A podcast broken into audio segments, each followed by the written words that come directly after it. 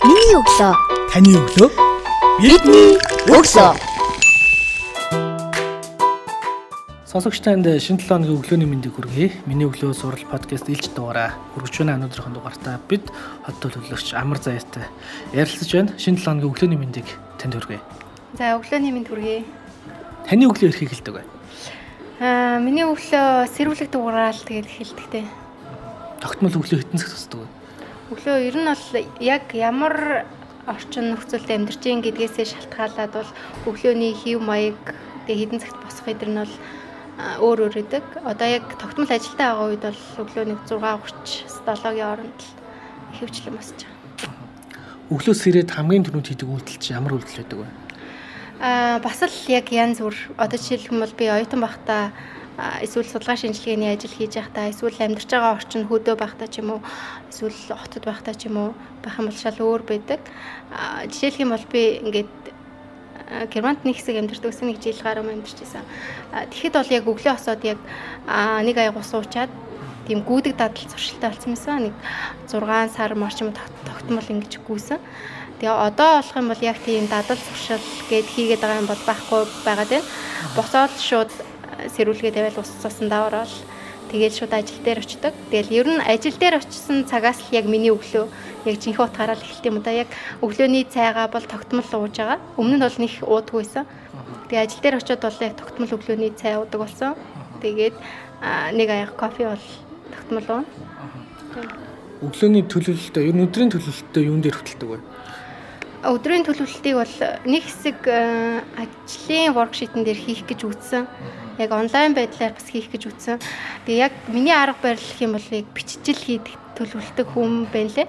Тэгээ ажлын дэвтрийг бол яг тусдан гаргаад бичээд хөтлөө явдаг.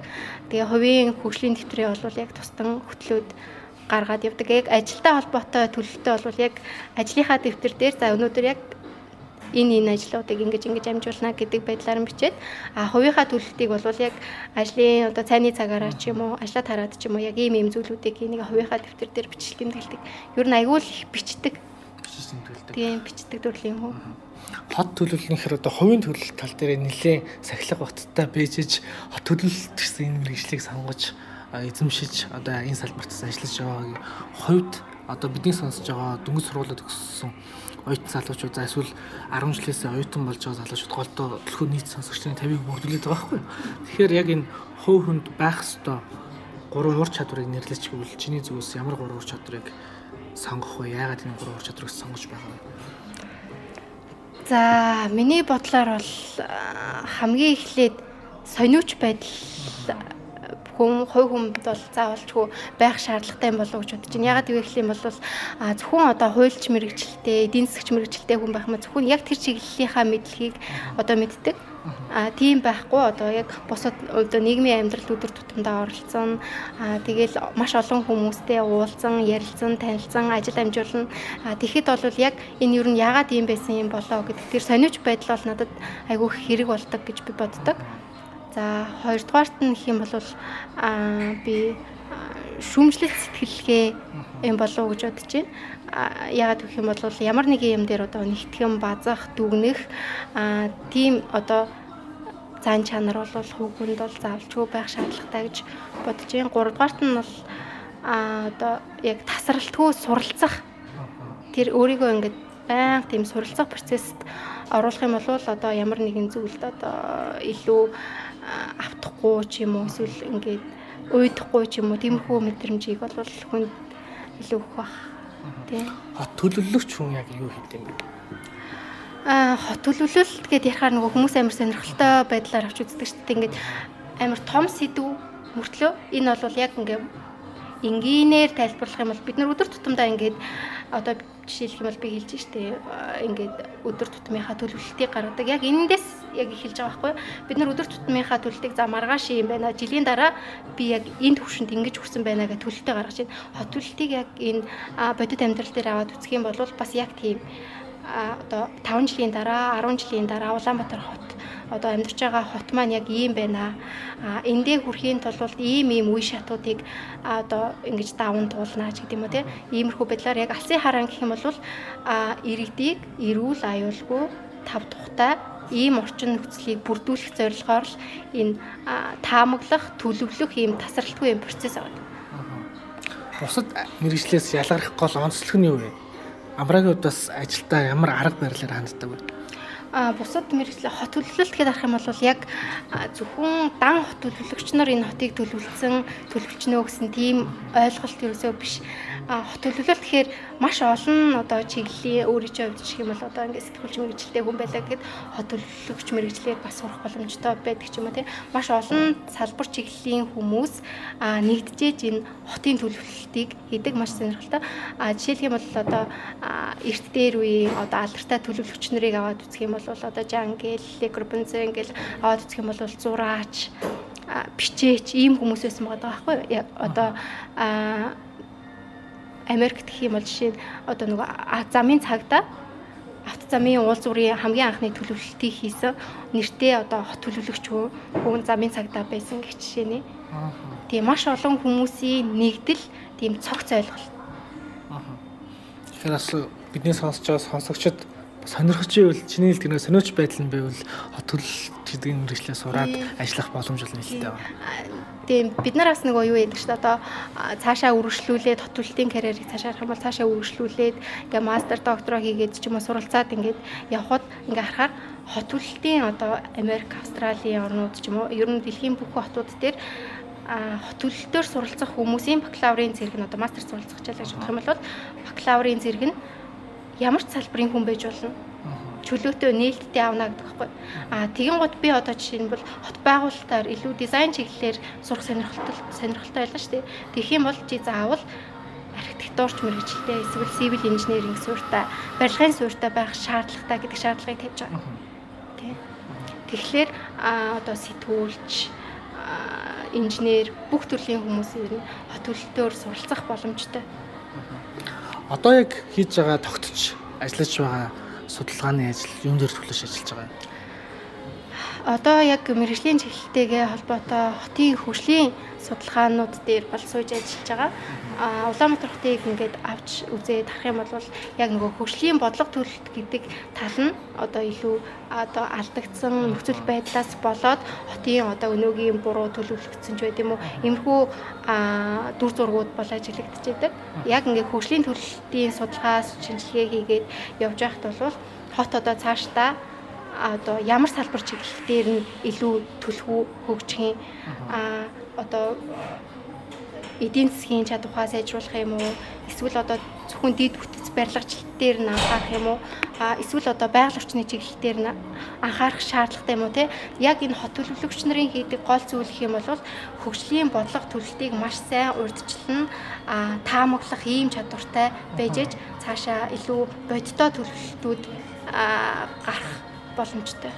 Улаанбаатар хотын хэмжээнд хот төлөлтийг зохицоор нь хийхэд тулгамдж байгаа нийтлэг хамгийн асуудал нь одоо юу вэ? Аа яг Улаанбаатар хот ч 1980 оноос эхлээд яг ингээд эрчимтэй барилгачиж эхэлсэн энэ үе байгаа байхгүй хоёрдугаар үндсэн хоёрдугаар ерөнхий төлөвлөгөөнөөс гуравдугаар ерөнхий төлөвлөгөөний тэр үед бол яг эрчимтэй барилгачиж байсан. За энэ үед болохоор яг нөгөө Оросын төлөвлөгч нар одоо манай өнөөгийн одоо багтаа өрөв их төрөвгийн тэгээ хорооллын томхон томхон төлөвлөлтүүдийг хийж исэн. А энэ дээр бол тэд нар бол мэдлэг чадвар туршлагатай хүмүүс мэдээж яг стандартын дагуу ингэ төлөвлөлт хийж исэн.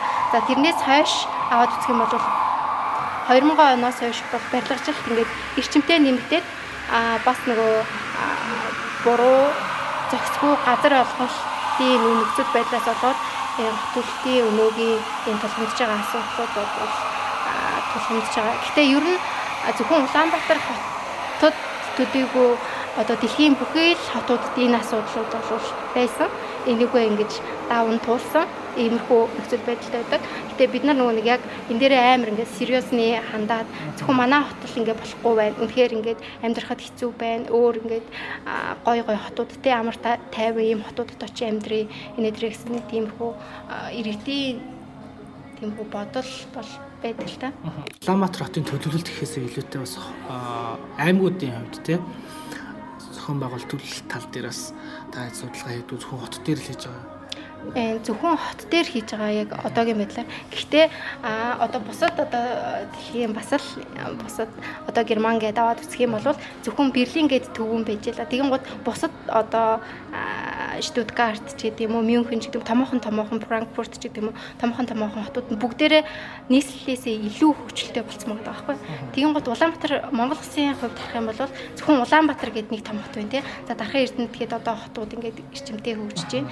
А тэгин гот манайхан одоо юун дээрээ илүү төлхөө анхаарч үзэх шаардлагатай. Тэгэхээр зөвхөн Улаанбаатарынхаа асуудалтай ингэж зуралдаад ингээд байхаас илүүтэйгээр аймгийнхаа төвүүдийг том хот болгож хөгжүүлэх энэ тал дээр илүү одоо анхаарч тэрэн лугаа нөгөө хүн амаа татах мэдлэг боловсруулалтаа хүмүүсээ явуулах ч гэдэм үү. Иймэрхүү тал дээр илүү анхаарч төлөвлөвөл зөвхөстэй. Сум орнотогт бол ялангуяа хөгжлийн хувьд дэд бүтцийн хөгжил, ажиллах хүч, болсон хүчний нөөц гэдэг үл их байдаг учраас хөгжил тэр хугацаанд бас удаан гацаатай байна гэж ярьдаг нийтлэг утгаараа. Тэгэхээр Улаанбаатар хотын хот одоо гээд сая гараа метрополитен хот боллоо шүү дээ. Бараг 2 сая хүн хүрчин нийслэл Улаанбаатар хотод. Тэг яг энэ жижиг метр квадрат талбайд хотын өдөр тутмын амьдралд ингээд эрүүл аюулгүй орчинд амьдрах одоо эрүүл хот ээлтэй иргэн гэж яриад байгаа шүү дээ. Тэр ийм нөхцөл байдалд амьдрах боломж бол өнөөдөр хомс сайн утаан тарцж байна. Гадуур гудамжинд ингээ алхаа явахад явууны зам одоо хангалттай төвшин биш байна тий. За замаараа алхаж явж байхад одоо байшингийн булан ороод ирсэн эсвэл аж ахуйн гэж байгууллагын үйлчлэгээний одоо юу гэдэг тий довжоо тэглэгч байд юм уу. Тэгэл тэр нь бүх хүнд одоо нөө тэгш хүртэн штэ байх тал дээр асуудал төгслөн бэрхшээлтэй иргэдийн хувьд бол тусгаар хэсэг хүмүүс өгөх юм бол тэгээд тэр шатаар бол гарч чадахгүй налуу шаттай байх хэрэгтэй ч гэдэг юм уу. Тэр энэ бүхнийг зохицорон шийдвэрлэлт одоо энэ мэрэгжлийн экспертүүд бол ажиллаж судалгаа хийж тэгээд бас санал зөвлөмж шийдвэр гаргах төвчнөө хүмүүс л өдөртөж шилжил байгаа ах л та тий. Тийм яг өнөөдөр ингээл яг явган хүний замаар алхаж байхад ингээд хангалттай өргөнтэй биш ч гэдэм үү ер нь ингээ хүндээ ингээд ээлгүй байгаад байна гэдэг нь болохоор хүний өдөр тутмын эргономик зайн хэмжээс бол ингээд алгацсан нөхцөл байдал нь бол ингээд харагдаад байгаа байхгүй. А явган хүний зам дээр ингээд жишээ аваад ярих юм бол явган хүний зам хамгийн багадаа 1.5 м өргөнтэй тийм яг хоёр хүн чөлөөтэй зорчдог ийм байх шаардлагатай. Одоо өвлийн үйлрэлт чөлхөө яг одоо тулгамдж байгаа асуудал хэм бол маш их хальтарч ундаг. Энд дээр чинь материалын асуудал бас яг орж ирж байна явган хүний зам дээр.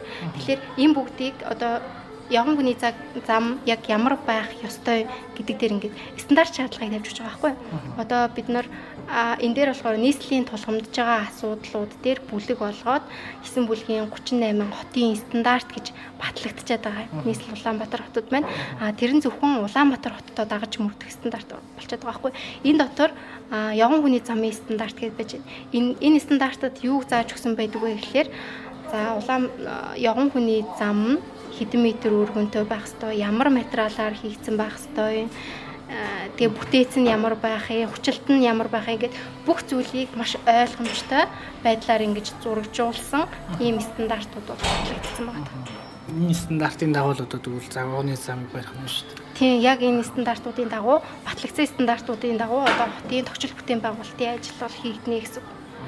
Стандарт алдагдсан байна гэдэг Тэгээ өдрөө алдагдсан маа шинэ стандартыг баталсан тэр стандартын дагуу замын материалаа хийгээд хучлалтаа хийгээд ингээд явж иж стандартын дагуу замтай ягууны замтай болох нь шүү дээ.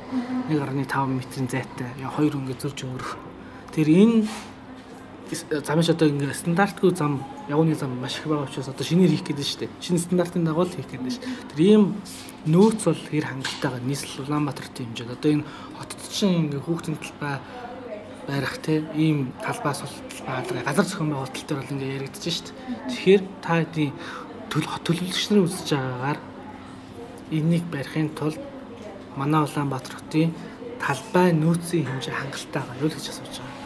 А одоо нөгөө хийгдэж байгаа одоо яг стандарт батлууллаа. Тэгин гут яг энэ стандартын дагуу яг энэ дэлхийн шигт нийцсэн энэ стандартын чинь дагуу ягуун хүний чинь замыг тавья, дугуун замыг чинь тавья гэдэх юм бол а яг энэ жилийн төсөв төсөв дээр ингээд тусгагдаад хийгдэж байгаа байхгүй юу гэхээр яг одоо Улаанбаатар хотод хийх тогтчол бүтээн байгуулалтын бүх ажлуудыг яг энэ стандартын дагуу хийнэ шинээр хийгдэж байгаа юунд төгсөл бүтээн байгуулалтын ажлууд болж тараад шүү дээ. Шинээр хийгдэж байгаа төгсөл бүтээн байгуулалтын ажлуудыг яг энэ стандартын дагуу хийнэ гэж энэ жилээс эхлэж ингэж төлөвлөж ажиллаж байгаа. Өмнө нь болохоор хийгдсэн байгаа төгсөл бүтээн байгуулалтын ажлыг сайжруулах ч юм уу, засах ч юм уу, зөвлөх ч юм уу, тэмхүү ажлууд бол хийгдээд явна. Одоо сая шинэ яриа хэлэхээс өмнө хоёлоо подкаст бичиж эхлэхээс өмнө ярьсан шүү дээ. Ер нь сайн хийж ирсэн түүхүүд жишээнүүд байна гэд Улаанбаатар хотын тухайд. Тэгэхээр тэр түүхээсээ бас бидний сонсож сонсогч нар тунгаалцсан юм. Тийм одоо яг энэ бид нар яг ингэдэг байхгүй явган хүний замын яг ажил дээр нь очиод жишээлх юм бол очоо хардаг.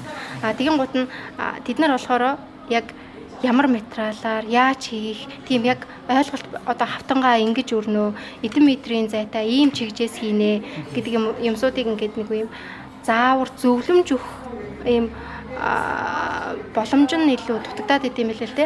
Тэгин гот бид нар яг яг бодитоо хийгдэж байгаа ажлууд дээр очиод За эн чинь явган хүний зам чи яг ийм байдаг шүү дээ. Энэ зурган дээр харж байгаачлан одоо өргөнөө ийм байна. А ийм материалаар хийдэм байна. Хавтна нь ийм байдсан байна гэж заагаад зөвлөд явах юм бол тэд нар бол маш хурдан ингээд сайжруулалт хийгээд тэрүүгээ засаад явдаг. Улаанбаатар хотод бол маш олон жишээ шүү дээ. Одоо буянгийн зам дээр хийгдсэн тэр ногоон юу а явган хүний зам чинь бол бараг 3 метрийн өргөнтэй ийм явган хүний зам хийгдсэн байсан. Тийм гих мэдчил нь бол маш олон. Сайн жишээ бол байгаа. Тэгээ сайн жишээ бол зөндөө. Аа бид нар яг нөгөө муу жишээг нь илүү төлхөө олж харчаад тэрэн дээр нь фокус өгөөд болохгүй байнал гэж яриад байдаг болохоос ш.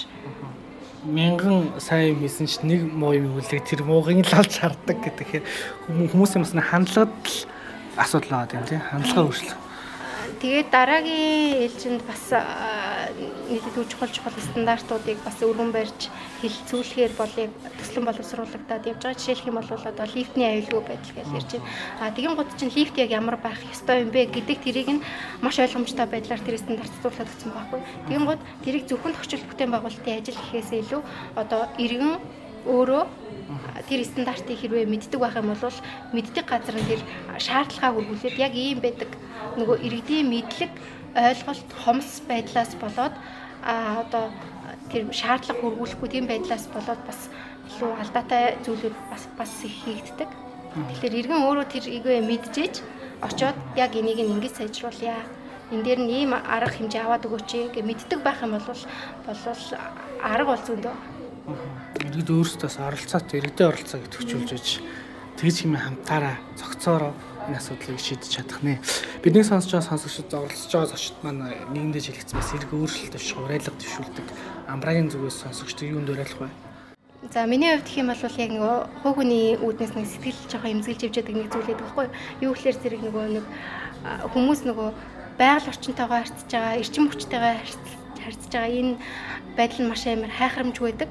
Жишээлх юм бол би ингээд нөгөө тор дүүрэн хог гаргаал ингээл холиол ялгаал ингээл хүмүүсийг ингэж ялгаж гаргаж хайж байгаа ч юм уу. Гялгар уутны хэрэглээ ч юм уу. Эсвэл зүгээр нөгөө нэг ингэж нойл орохдоо гэрлийн унтраад түүч байд юм уу. Тиймэрхүү юм хайнг байдал нь жоохон амар эмзэглүүлдэг. Тэгээ бас байгаль орчиндөө илүү жоохон ээлхүү хандж ин да гэдэг бодол нь. Тэгэхээр хүмүүсийг бол яг байгаль орчиндөө амар ээлтэй байгаад ус тоог цахилгаан бүх юма химнээд тэгээ ирээдүйд одоо 100 жил 200 жил бид нарын одоо үр хүүхдүүд энэ дэлхийг чинь ингээ хайр гамтай ингээд идлээд аваад явахыг хүсэж дээ.